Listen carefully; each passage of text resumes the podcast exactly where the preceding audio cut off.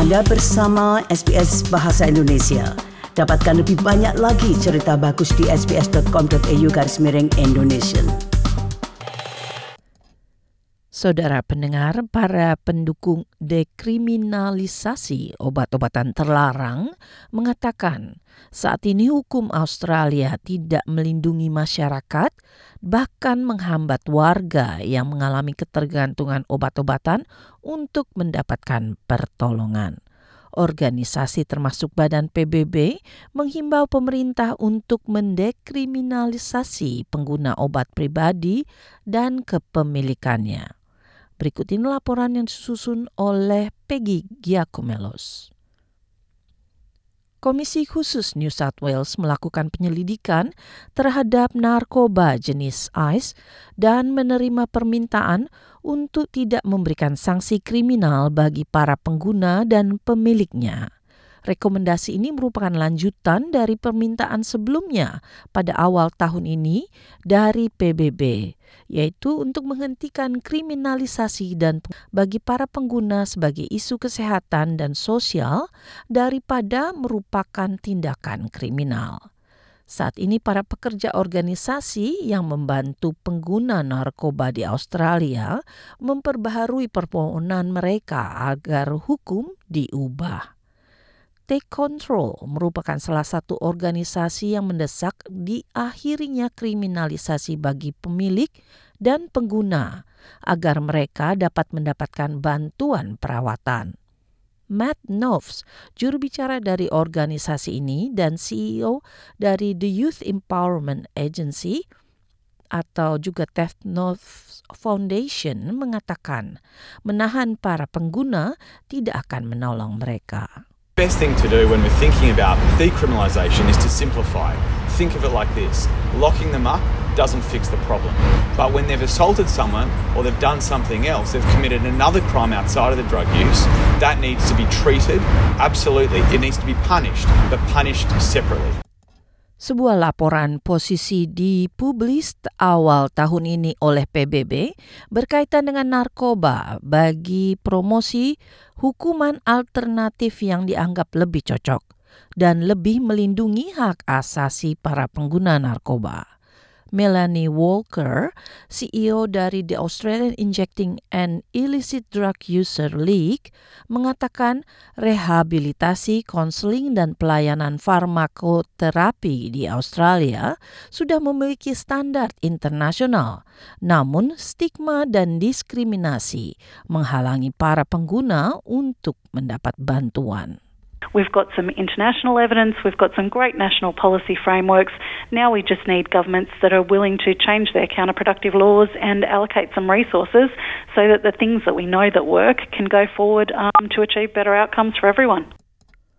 Walker menambahkan, angka dari drugs and Alcohol Resource Center menunjukkan antara 200 ribu dan 500 ribu orang setiap tahunnya ditolak untuk mendapatkan bantuan karena kapasitas sistemnya terbatas. Walker menambahkan stigma yang terkait dengan pengguna narkoba merupakan penyebab pelayanan tidak diberikan. One in two people who are needing drug treatment in Australia actually don't get it. And when you consider this situation in light of other medical conditions. If someone had a heart attack and presented to the hospital and half of those people were turned away and told they couldn't get assistance, I think you can see how stigma and discrimination comes into play in terms of resourcing at this systemic level. Lebih jauh, Walker menambahkan program farmakoterapi sebelumnya dilaksanakan oleh pemerintah negara bagian dan pemerintah federal serta pelayanan non-profit mengalami daftar tunggu yang panjang. Bahkan bagi pemilik asuransi kesehatan swasta atau bagi para uh, pengguna yang mampu membayar pelayanan kesehatan swasta, keadaannya juga tidak lebih baik.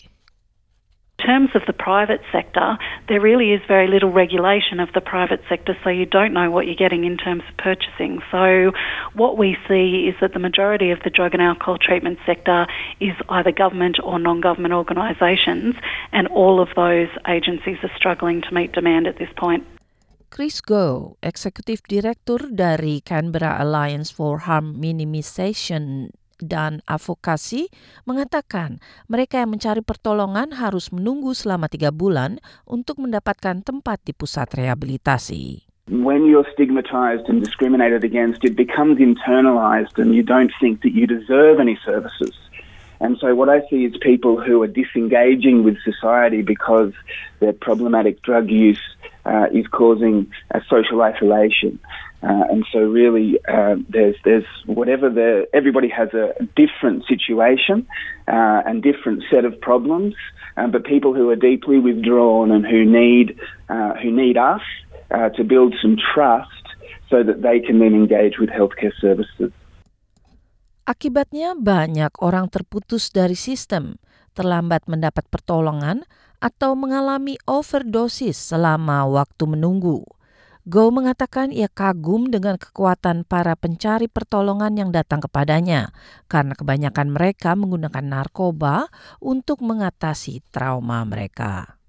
And, and what we must remember is that, the, that people with problematic drug use, you know, often have extremely uh, traumatizing experiences behind them. And, and when I see people coming through the front door of Karma and I listen to their stories, sometimes I think to myself, I, I don't know whether I would have survived the things that these people have gone through. And yet here they are struggling on and trying to engage with our service.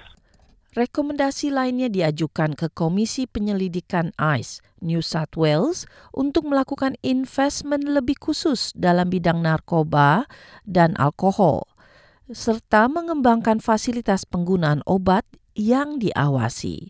Komisi khusus ini akan mengeluarkan hasil investigasinya pada bulan Januari 2020. Tell us what you think. Like us on Facebook or follow us on Twitter.